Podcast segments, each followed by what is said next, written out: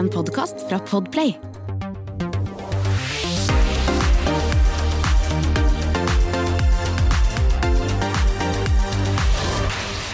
Velkommen til eh, Popkast med Tone Lise. Han er fra Harstad, 29 år. Blir 30 i mai, faktisk. Var med på The Voice. Og flere topplasseringer som soloartist. Nominert til Spellemannpris og gitt ut to album. Velkommen, Christian Christensen. Tusen takk. Du er jo aktuell eh, med ditt eh, andre studioalbum i eh, disse dager. Det skal vi snakke om litt senere. Men du vokste opp på Harstad. Mm. I Harstad, ikke på Harstad. I Harstad. På 90-tallet. Ja, Hvordan, hvordan var musikkmiljøet der da? Um, jeg var ganske heldig. Um, fordi uh, jeg, Harstad er ikke en veldig stor by, så det er naturligvis ikke sånn kjempestor musikkmiljø sånn sammenligna med Oslo og Trondheim. Mm. Men uh, uh, først på videregående Vi har faktisk en sånn musikklinje i Harstad på videregående. Ja. Og først uh, der kom jeg inn i sånn skikkelig musikkmiljø, og det var veldig Det var faktisk veldig sånn fin Veldig fint nivå de årene der. Mm. Jeg vet om, jeg vet ikke om det fortsatt er det, men overraskende mye musikk og kreativitet til å være en eh, såpass liten by. Eller er ikke- kanskje Mm. ikke så liten, men eh, ja. Jeg skjønner hva du mener i forhold til musikkmiljøet i Ja. Oslo, liksom. Ja. Ja, absolutt. Så det var veldig mange flinke Det var utrolig mye flinke musikere Mm. i den perioden her, så eh, Så det var definitivt en betydelig en, eh, ganske viktig for meg, tror jeg. Hva var det som gjorde at du havnet der? Hva var det som fanget eh, din musikkinteresse? Det var vel en gradvis eh, prosess. -hmm. Um, det startet den herrens år eh, 1998, tror jeg. Ja. Eh, eh, og da hadde vi Putti Pluttipott i byen, Ja. og eh, da Da på den tida så var jeg hva, fem, seks, syv år, noe sånt. Uh, og mamma og pappa tenkte ja, vi kan ta med til audition, hvorfor ikke? Og jeg, Mhm. jeg var ikke i utgangspunktet veldig, veldig gira sjøl, men de bare tok meg med. Og så uh, var det audition, da. Masse, det var sånn uh, bulk... Nei, bolk, bulke Off, hva er ordet for det igjen? Sånn uh, gruppe med Ja. unge bolk på bolk, er ikke det det heter? Jo da, jeg, Ja da. vi kjøper den. Jeg skjønner hva du mener, i hvert fall. Ja, du skjønner hva jeg mener, i hvert fall. Det er det viktigste. Uh, vi, vi sier bolk. Ja, vi to, ord, kaller det men, bolk. eh, Vi kaller det bolk.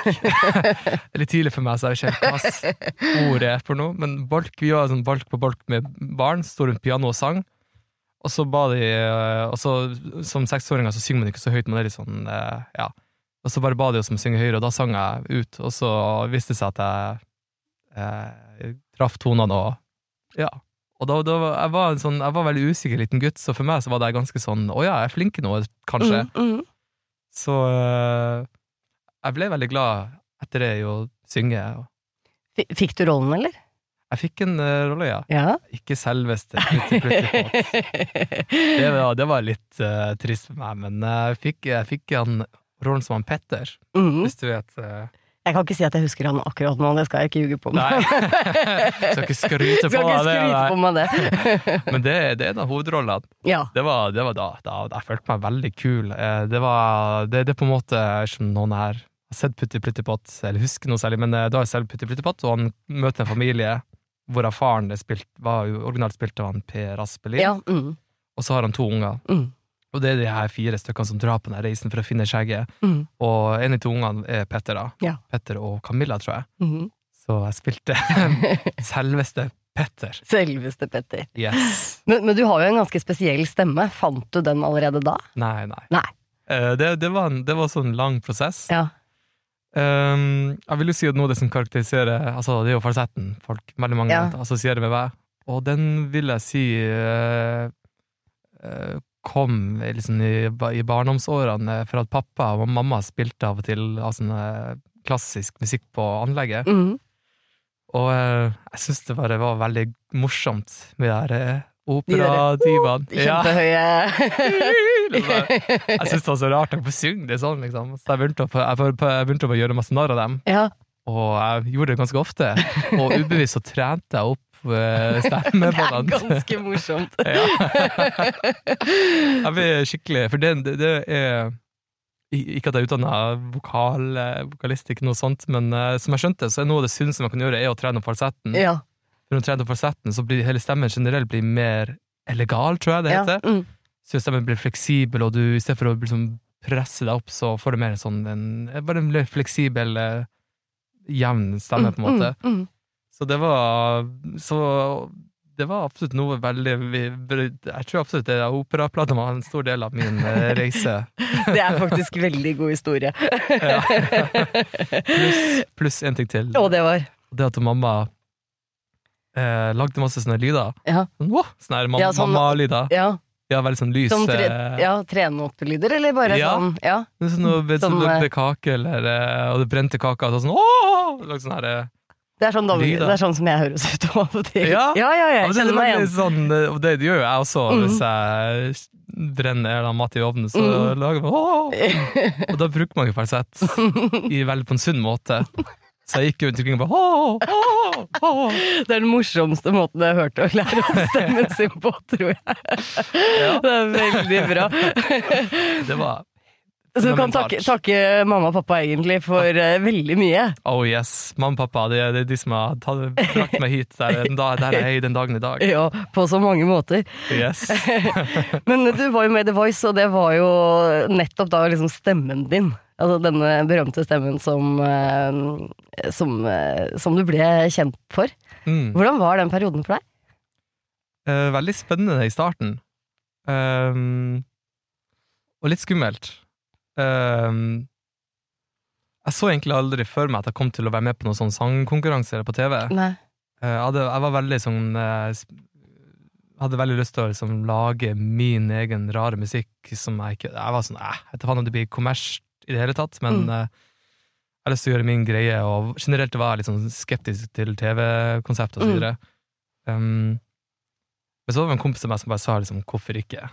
Eh, og på et tidspunkt her så var jeg vel 20-21 år, kanskje litt rastløs, var kanskje litt gira på å få i gang en musikkarriere. Skje, skje litt fort?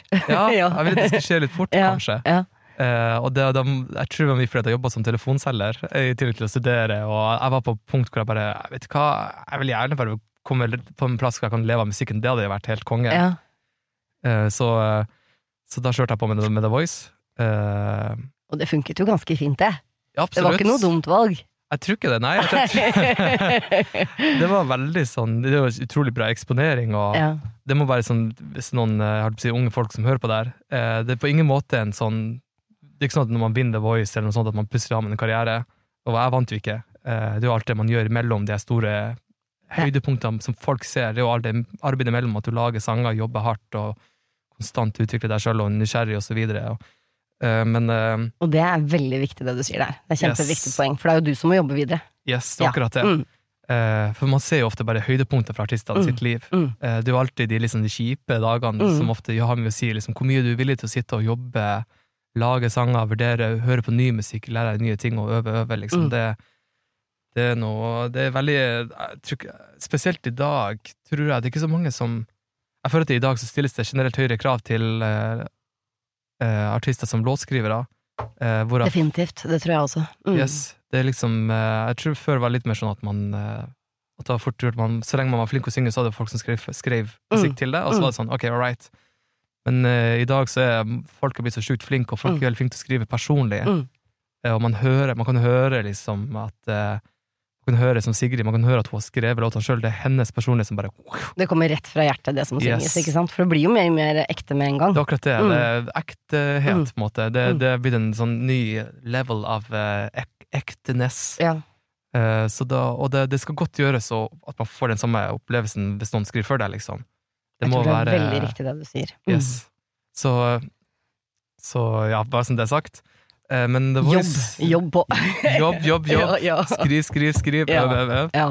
Um, men The Voice, ja, i starten veldig spennende. Etter hvert syns jeg det var Synes jeg det var litt sånn eh, Det var stress og i, i de direktesendingene, Mm. uke etter uke, fremføre og føle at hele Norge så på meg og vurderte meg og ternekast fra diverse aviser, Mm. og jeg syns det var Jeg vokste utrolig mye på det, eh, fordi at jeg Det var veldig intens kjør, Mm. og jeg følte jeg møtte meg sjøl på mange måter, at jeg Mm. fikk uh, Jeg ble såpass mye eksponert at jeg fikk sett meg sjøl veldig utenfra, og Mm. fikk revurdert hva vil jeg for noe, hva, hvem er jeg, liksom. Mm. Og, uh, så uh, jeg syns det var veldig lærerikt, men Og jeg, jeg, er nok glad for at jeg var med på det, men det, det, var, det var stress, ja. Det er en intens periode, definitivt. Absolutt. Ja. Så ja, bare som folk er klar Hvis noen vil være med på det, så bare vær klar over at eh, du kan ende opp med å måtte uke til uke Ja. prestere, prestere, prestere live. Og, Mm. ja, så det, Som, som man jo lærer veldig mye av, selvfølgelig. Ja. det er absolutt. Og, du, Mm. og du jobbet jo, som, sant, som du sier, at dette, altså etter at dette er over, så Mm. er det jo ikke sånn at uh, verden åpner seg på alle mulige vis hvis ikke du jobber selv. Yes. Og det var jo nettopp det du gjorde. Du brukte det jo og jobbet på, ikke sant? Yes, absolutt. Det Ja. var, det var ingen, uh, ingen plateselskaper som kom, kom til meg etter Nei. The Voice, Nei. og det var tross eh, at jeg fikk veldig bra oppmerksomhet. Mm, mm. For Blind, Jeg fikk til og med sånn 20 000-30 000 fans i Brasil. Men den blinden din var helt sjuk, da. Det, Ja, takk. ja. men, men det var jo først, først liksom når eh, For du ble jo årets eh, Urørt under eh, Bylarm. ja, det stemmer, ja. Ja. ja. absolutt. Og det, det, det følte jeg også var en veldig positiv eh, Mm. Det var også en sånn ting jeg egentlig ikke eh, så, Det høres ut som jeg kanskje bare kødder nå, men jeg skjønte ikke helt hele opplegget med Urørt. Jeg skjønte ikke at det var sånn finale, at man kunne bli årets Urørt, osv. Eller jeg hadde hørt om det, men jeg skjønte ikke helt hva det var for noe. Nei. Eh, jeg ville bare, jeg hadde lagd noen låter, på en måte. Etter The Voice var sånn, nå går jeg, nå, uh, gjør jeg mine egne låter, og nå bare sitter jeg i studio og så koser meg, og så Åh, nå blir det godt å få en pause fra liksom, TV og Mm. la, la, la. Jeg bare, nå skal kose meg med musikken igjen. Uh, og så bare la jeg ut en låt på Urørt og tenkte at det her er fin, hyggelig hvis jeg vil plukke litt opp og få Ja. litt eksponering, at noen hører på det. Og så skjønte jeg jo etter hvert at da ble en ukas Så, Å ja, fett! Så var, var det uke etter uke igjen, da, liksom? Ja, ja. Det ble heldigvis ikke det. Nei, Men det ble, det ble en liten finale, da. det gjorde det. Men da var det gått såpass lang tid at det var sånn ok, nå, er, føler jeg at jeg er litt mer sånn Nå har jeg fått skrevet masse ting, og jeg har fått spilt inn ting. Nå føler jeg mer at jeg er litt mer jeg, jeg, Nå gjør jeg min greie, og jeg følte meg mer sånn komfortabel. Så det var Da, da følte jeg at nå var jeg litt mer klar til å vise meg frem. Mm, Så det var veldig positivt for meg. Urørt og P3 har vært eh, gull, holdt jeg på å si. meg. ikke sant. Skal vi høre litt eh, fra der det startet? Absolutt. Dette er eh, Lyset. Jeg hopper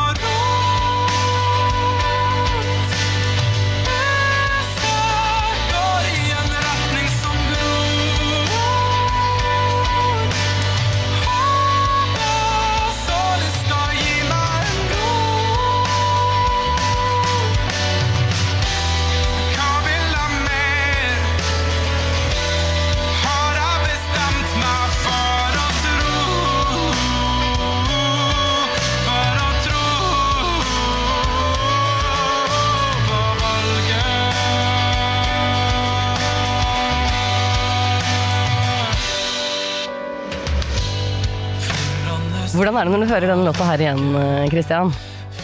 Wow, det er veldig gøy. Ja? Jeg har ikke- jeg har ikke hørt den på lenge, så det er veldig Og jeg, jeg jobber med nye plater mine, så det her er en helt, helt annen verden. Så det var veldig ja, for det er jo et ganske annet sound. Det, Helt annet sound. Helt annen greie. ja. Vi, vi skal snakke mer om Dette her var jo fra første EP-en din. Yes. Eh, Den kom i 2005. Var det ikke det? 2015, 2015, tror jeg. Ja, var det ikke det? Tror det. Mener det. Jeg tror ikke jeg lurer på jeg tror den bare kom ut som en singel, tror jeg kanskje. Mm. 2015. Ja. Mm. Eh, Det har jeg for, for så vidt eh, Jeg ga ut også én singel før det her igjen, som heter Rusen våkner igjen. Eh, Men de to var på en måte starten, ja. Ja. Måte var da jeg begynte å gønne på. For du, for du fikk jo da platekontrakt etter Urørt. Yes. Da fikk du platekontrakt. Da fikk jeg platekontrakt. Ja. Men eh, ja, men det, det skal også som sies at Urørt er veldig bra plattform, men jeg hadde mange låter, og hadde allerede begynt å snakke litt med diverse plateselskap og så Ja. videre, og så kom Urørt, og så var det en sånn Jeg følte jeg var sånn der eh, Da følte det var sånn signal til bransjen at her kommer jeg, her kommer jeg, Nå er jeg klar. her, nå er jeg klar Ja. til å blåse sokkene av. Ja, det er veldig bra. Og det gjorde du jo også, Ja, jo, takk. for det for det gikk jo veldig fint. Absolutt. Men, men, men du har jo liksom et sånn ganske eh, Hva skal man si eh, spesielt sound. Mm. Hvordan kom det i hop, egentlig? Um, jeg har alltid vært veldig, veldig glad i sound, Mm. og alltid vært litt sånn musikk-teorinerd. Mm. Um, uh, siden jeg var 14, så fikk jeg et keyboard og begynte å sitte og nerde med akkorder. Og jeg, begynte, jeg, var ikke, jeg klarte aldri å lære meg noter så bra. Eh, Men jeg, jeg ble veldig sånn, tok mye på gehør, så jeg ble veldig Og så merka jeg at jeg hadde litt sånn Jeg hadde ganske lett, ganske fort trukka opp Jeg klarte å kjenne igjen akkorder, strukturer og sånt, eh, Mhm. harmonier. Eh, Så jeg fant veldig fort eh, fant akkorder jeg likte, og la-la-la. Etter hvert så oppdaga jeg altså Jeff Buckley og hans eh, gitar... oh, Er det Grace-skiva du da Oh my god. Ja, I know. For en, for en sinnssyk plate. Ja, ja, helt vanvittig. Um, så veldig Så hans gitarstil ble jeg veldig inspirert av. At han, Mm. han spiller elgitar, men han spiller veldig sånn fingerspillaktig på elgitaren sin. Mm. Uh, nesten som en harpe iblant, Ja. til og med. Um, så det inspirerte meg veldig mye.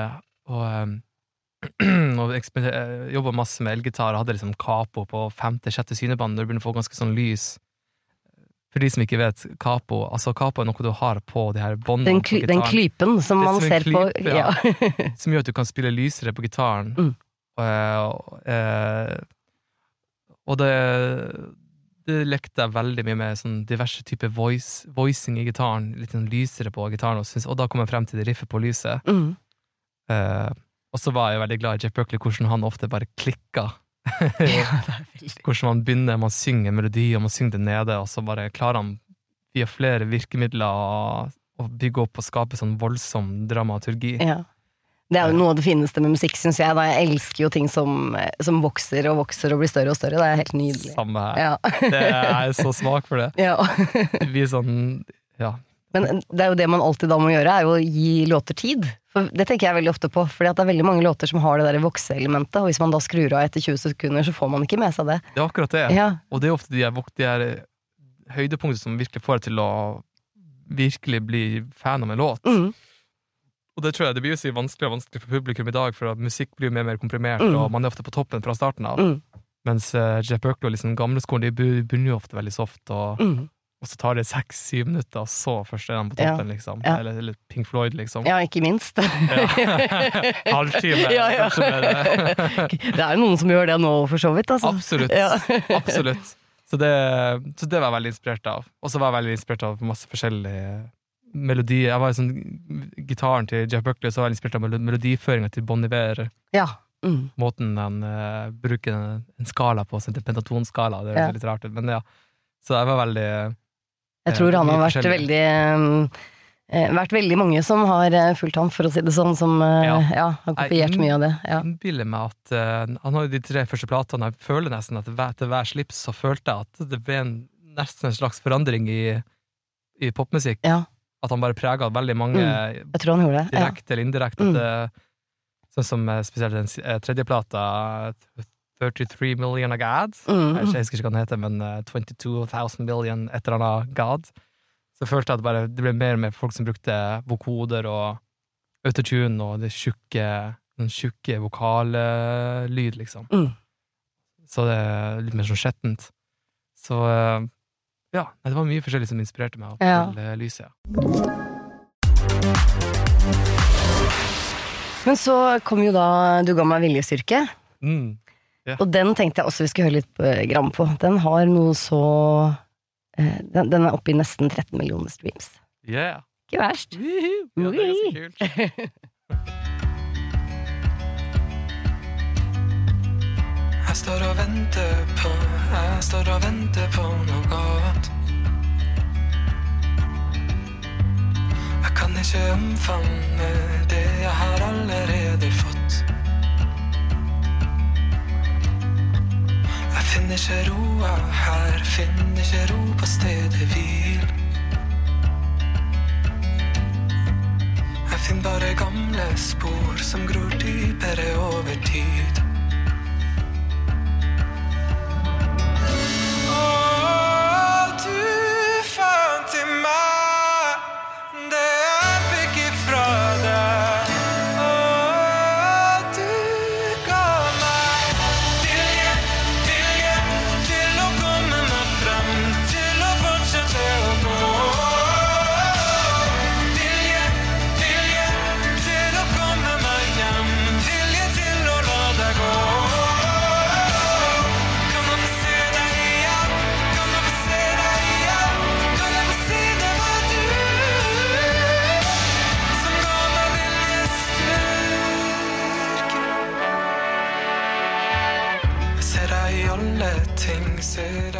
Meg viljestyrke. Denne her fikk du eh, dobbel platina for.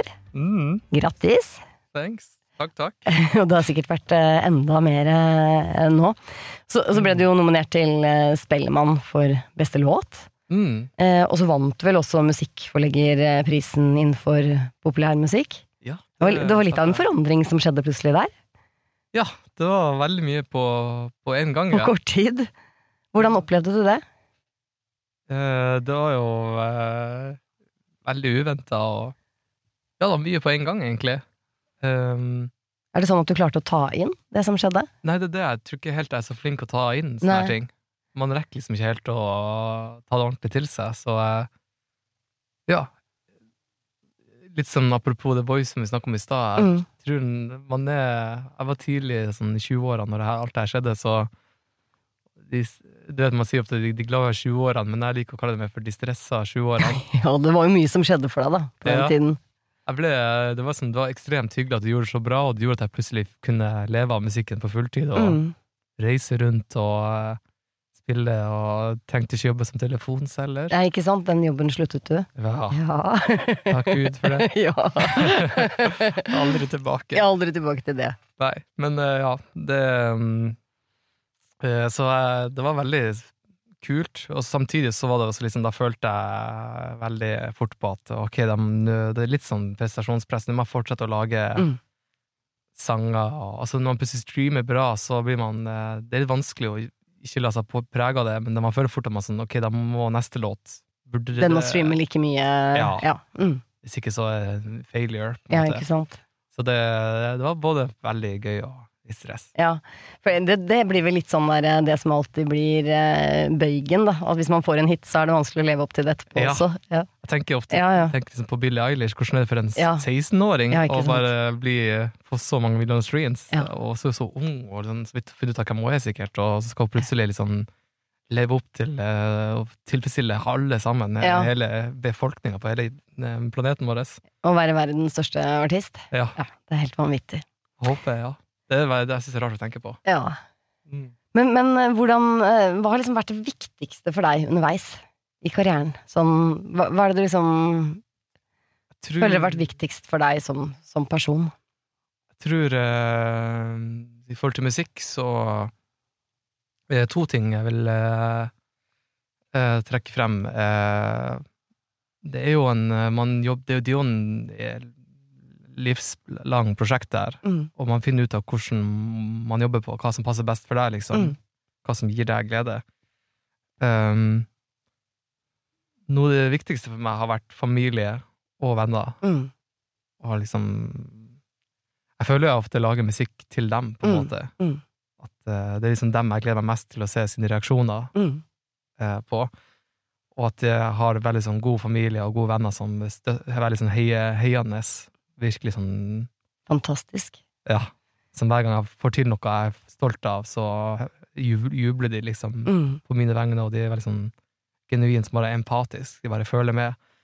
Og feirer hver, feirer hver lille eh, store suksess, på en måte. Men det er jo fantastisk å ha sånne mennesker rundt seg.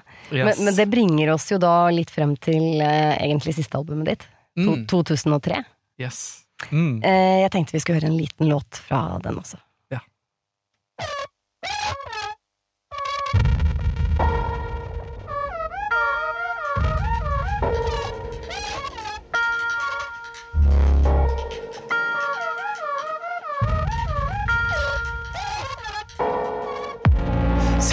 Sitter inne, sitter fast, sitte over skjermen.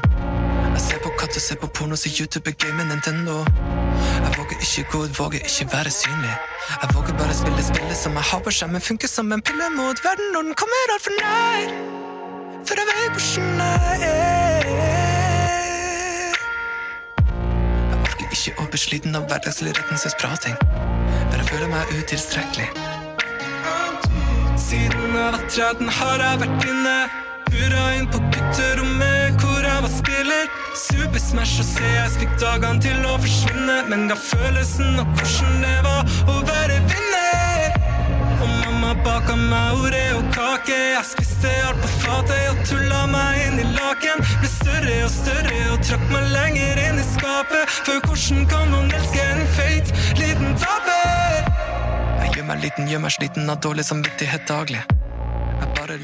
Sterke tekster på den skiva her, Christian. Mm.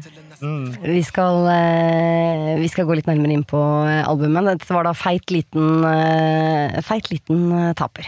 Det var litt vanskelig å si tittelen. Ja, litt. Ja, den er, det føles litt rart ut å si det. Ja. Her er låta 'Feit liten taper'. Det er veldig rar, rar ting å si. ja, det er liksom ikke det jeg går rundt og sier vanligvis, i hvert fall. Nei, det er mer det, Her er låta 'Danser på en sky' eller eh, 'Roser i hagen'. Ja, ikke sant? Jeg liker jo jeg, Men denne skiva har jo mange sånne titler, da. Som Yes. er eh, For dette er jo en veldig personlig reise. Ekstrem, ja, absolutt. Ja, ja. Det er veldig sånn hensynsløs å være rett frem. Ja, og Min, eh, veldig tøft, tenker jeg. Ikke minst, da. For det mm. den er jo utleverende. Definitivt. Ja. Jeg måtte, det var veldig Måtte gå mange runder med meg sjøl, ja, Mm. før jeg bestemte meg for at ja, vet du hva, jeg slipper Jeg lager en låt som heter 'Feit liten taper'. ja. Men det som, vet du hva, eh, det, det som jeg syns er så fascinerende, er jo at på denne skiva her, så har du skrevet og produsert alt selv. Yes. Det er Mm. litt av en utvikling eh, å gå fra å liksom ha et eh, stort band eh, bak seg, og, Yes. og eh, produsenter og alt mulig sånt noe. Yep. Var, Det- var det liksom en naturlig utvikling for deg? Ja, faktisk. Det, det var veldig eh, eh, Ja, hva skal jeg si eh, For å sy det litt sammen tilbake til det vi snakket mm. tidligere om. Mm. Eh, noe annet som er viktig for meg i min karriere, er å eh, Har jeg inn, inn, skjønt mer og mer etter hvert at det er veldig eh, Jeg liker veldig godt å ha mest mulig kontroll på det jeg gjør. Mm. At jeg føler at jeg styrer At, at det jeg gir ut, er mest mulig representerer meg og mine visjoner og, eh, og tanker. Mm. Så det var en sånn gradvis prosess. Jeg, liksom, jeg har jo alltid holdt litt på med studio, holdt litt på med Logica, vært liksom, lagd ting i demostadiet, og altså, lagd ting som ble med på det endelige produktet, men jeg har Mhm. ikke stått for hele alt sjøl, på en måte. Eh, så det var en prosess. Jeg begynte å lage plater, jeg begynte å merke hvordan den kom til å bli, og jeg merka liksom hvor viktig det altså tekstlige, hvor uh, direkte det skulle være, og jeg merka at det var, ble veldig viktig for meg at uh, den produksjonen mest mulig skulle være med å formidle historien jeg fortalte. Så da hadde jeg bare lyst til å ha mest mulig kontroll over det sjøl, og virkelig kunne sitte og mest mulig bare uh, få den Akkurat den salmen som du er så glad i, da. Som du Ja. snakker om. Ja. Mm. Mm. Eh, så, så det var veldig sånn, og så kom jo korona, da. Som, det sugde jo balle. Mm. Men eh, for meg så ble det faktisk veldig sånn fin, eh, for, for jeg har veldig sånn kronisk fomo. Jeg, Mm. jeg, veldig, jeg har litt vanskelig for å sitte inne for lenge. Mm. Jeg må liksom komme ut og leve livet. Mm. Eh, men eh, koronaen, koronaen eh, gjorde at jeg ble jo tvunget til å sitte inne. Sitte inne. Så du måtte skrive nye låter? Da måtte og, jeg- ja, ja, Jeg, Jeg måtte gjøre det beste ut av det. Og da, på starten av korona så hadde jeg altså sånn streamingkonsert Mm. I regi av Christer Falk som heter Koronarulling. Mm. som jeg gjorde gratis, men eh, de som så på, kunne vippse hvis de hadde lyst. Mm. Og de endte opp med å vippse inn masse penger, faktisk. Så bra. Som- Så du hadde litt å leve på en periode der? eh, Yes. Ja. Og det gjorde også at jeg fikk råd til endelig til en grei, en bra Mac Mm. og litt studioutstyr, så jeg Ja. kunne faktisk eh, sitte hjemme og produsere en hel plate. Så eh, alt er skrevet og produsert og spilt inn eh, på soverommet mitt, liksom. Ja. Og, eh, og eh, det, har, vært eh, to eh, intense år, men Mm. eh, det har vært veldig sånn en reise for meg å sitte og jobbe altså, og liksom få alt til å henge litt i hop som en plate, på en. For det har vært så veldig viktigere for meg denne gangen at plata At det er en tydelig rød tråd, at ting henger sammen, låt går fra låt til låt, og at det er en historie som utvikler seg. Ja, for jeg skjønte du er, du er litt sånn opptatt av eh, altså konseptalbum, hvis vi kan kalle det det. Ja, ja. absolutt. Mm. Mm, definitivt. Det er på en måte Plata starter en plass, og så Mm. går en reise, og så kommer den litt tilbake til samme plass på slutten. Ja. Eh, for at det Ja, jeg skal ikke si for mye. Folk må få høre Folk på det må høre på den, og den er verdt å høre på, for jeg har hørt den. Så bra. Ja. Takk. men du har jo utviklet deg ganske mye, da, og det er jo fascinerende. Men at man kan Mm. bruke da noe som korona på noe så positivt, det er jo veldig bra. Ja, det var kjempeheldig for meg at jeg kunne Ja. gjøre det. Eh, Men for å da gå tilbake til det som vi snakket om eh, før vi spilte Feit liten taper, er jo sant, nettopp dette med familie. Yes, For du sier jo at denne skiva nærmest er en hyllest til moren din, så vidt jeg har forstått. Ja, absolutt. Det er moren min og mormor også. At det Stor del av plata var eh, en måte for meg å prosessere eh, det å miste noen nære, noen nære på. Mm.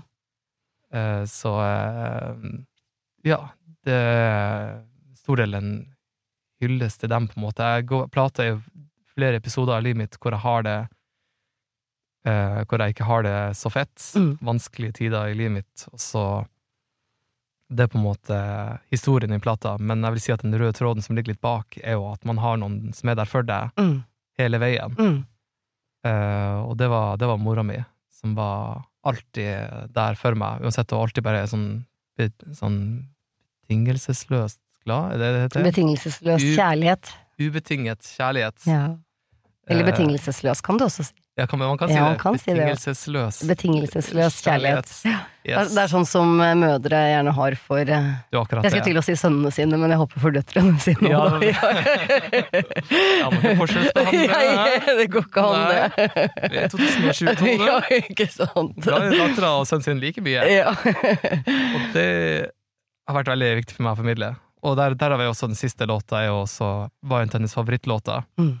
Uten at jeg skal si for mye, men altså den siste låta på plata er jo ikke min. Det er jo en egentlig låt av en dame som heter Etta James, Ja. som kanskje man burde kjenne til. Mm. En sånn helt episk dame. Der hvor stemmen kom eh, fra? Er det noe etterligningen? Nei, det var ikke klassisk, da. Men eh, Å nei, ja, nei, hun, ja, nei, hun inspirerte meg også, vil jeg si, ja, litt. Ja. Med den Ja. sånne der mørke soul-greia. Ja. Det vil jeg si også jeg syns var litt gøy å etterligne. mm. Og det ga meg altså litt uh, Det tror jeg også var bra sånn vokal, vokaltrening for min del. Men din eh, Altså, du er mest inspirert av Kenrick Limar på den skiva her? Er det, er Ja. det litt sånn, Ligger det litt i bakgrunnen? Ja, det vil jeg Det tror jeg, ja. Det, hø det høres litt sånn sammensig ut, så det, ligger det jo litt der. Og det er ikke Ja. en verst kompliment, da. Nei, det jeg, ble, jeg, hadde, jeg ble helt sånn Kendrick Lamar-gal. Ja. Eh, Sånn i eh, slutten av 2019, tidlig 2020. Hørte på han masse, og så nerda masse. Leste mye om platene, leste mye om prosessen, og hvordan platene henger sammen, og hvordan han forteller som en, Hvordan han er en helt genial rapper, men også en helt genial historieforteller. Mm. eh, og lyriker. Mm. Og det inspirerte meg helt utrolig mye, og det fikk meg til å begynne å, liksom, å tenke mye på hva vil jeg fortelle med min, mitt album. Mm. Og det fikk meg til å dra hjem, og jeg satt og bladde gjennom det her eh, Jeg frem, jeg og pappa fant frem masse sånne bilder av meg og familien vår fra barndommen av, fra når vi reiste til Sverige på de sommerturene, og Mm. til jeg var sånn 13-14-åring, og jeg, liksom, jeg, jeg fant bilder av meg sjøl, som er det, det coverbildet som ble på plata. Ja, er det det, ja? Ja. Jeg fant det bildet, ehm, eh, og så på det bildet, og så merka jeg at jeg sleit fortsatt med, litt med å elske det, det jeg Ja, så, liksom. ja. Jeg, var liksom jeg, så, jeg, så, jeg så veldig mye av de sidene av meg sjøl, altså usikkerhetene mine. Du, du, du kjente tydelig. følelsene som du hadde da, kanskje? Ja, Ja. de usikkerhetsfølelsene som var da, Mm. kom litt tilbake. Mm. Og merka at jeg fortsatt jeg, jeg elsker fortsatt ikke helt Eller jeg, klar, jeg ikke elsker meg sjøl kanskje på den måten jeg skulle ønske at jeg gjorde. Så eh, Men du er veldig bevisst på det, og det er et godt Ja. steg i riktig retning. Absolutt, og det vil jeg absolutt anbefale Mm. folk. Iblant ta, ta en liten session og bare se på bilder fra, fra barndommen. Mm. Liksom blir bevisstgjør liksom hva slags følelser Mm. kommer opp da. Mm. Og da Det er en veldig godt råd. Ja. Og det inspirerte meg litt til å igjen å, å eh, lage, liksom gå litt i meg sjøl og lage, fortelle min historie og hva Altså, det er liksom hvordan ting fra barndommen former meg, og hva slags ting som fortsatt sitter igjen, Mm. og hvordan eh, eh, atferdsmønstre jeg har i dag som egentlig kanskje stammer fra eh, barndommen. Altså Ja. hva slags usikkerheter som gjør at jeg oppfører meg på den måten jeg gjør i dag, kanskje. Um, ja, Det er veldig interessant. absolutt. Ja. Og så er det jo gjerne noen noe, positive ting som man tar med seg, og så tar man dessverre med seg noe, noe som ikke er like positivt også. Det er jo det. det er, Noen av de usikkerhetene gjorde jo også at jeg kan, har også de positive tingene jeg har i dag. Mm. Jeg tror mye av de usikkerhetene gjorde at jeg var villig til å jobbe veldig hardt, som Mm. jeg for eksempel har gjort med Mm. musikken. At, eh, at musikk blir litt min, på en måte min eh, sånn fristed. Det har vært et pluss for deg på en måte. Ja. Mm. Mm. Jeg tror ikke jeg hadde jobba så hardt eh, hvis jeg hadde vært en super... Nei, da har du vært ute, da. Nei. jeg tror ikke Ja, da hadde jeg vært, hadde vært ute og lekt og hadde det fett ja. med de andre kidsene. ja. Men nei da, jeg var inne og uh, torde ikke å henge med de andre folk, guttene og jentene. Og whatever. så jeg satt bare og jobba hardt med musikken, for der følte jeg meg litt kul, på en måte. Mm. Mm. Så eh, Men Der kan du fortsatt føle deg kul, da. ja, ja, absolutt. Det, det kan vi si. Der føler jeg meg veldig kul, ja. Så det, det er mye forskjellig som Det er jo Knere Lamar kanskje hoved... eh, ikke, bare, ikke, musika, ikke bare musikalsk, men eh, bare hele greia, liksom. Konseptuell, altså hvordan, hvordan han tenker. Og så har du andre folk som eh, Tyler the Creator og eh, masse Michael Jackson også, faktisk. Mm, mm. Og Frank Ocean. Og det er nesten det er noe helt annet enn jeg har gjort tidligere. Og det har vært veldig inspirerende og morsomt for meg. Ja. Skal man liksom hente ut de elementene som man føler funker best for en selv. Yes. Men Mm. hvor går veien videre nå, da? Hva er liksom målet ditt? Vi får se. Uh, I første omgang så er det Skiva nå. Skive nå, gi den ut.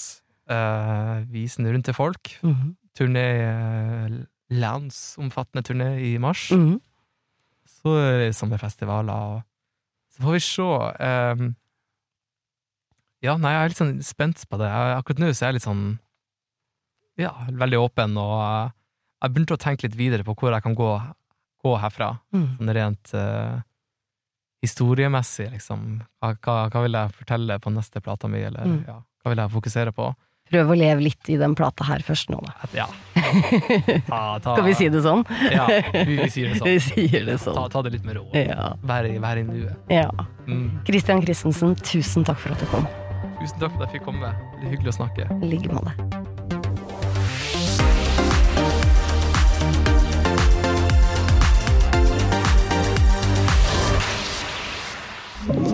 Du har hørt en podkast fra Podplay. En enklere måte å høre podkast på. Last ned appen Podplay, eller se podplay.no.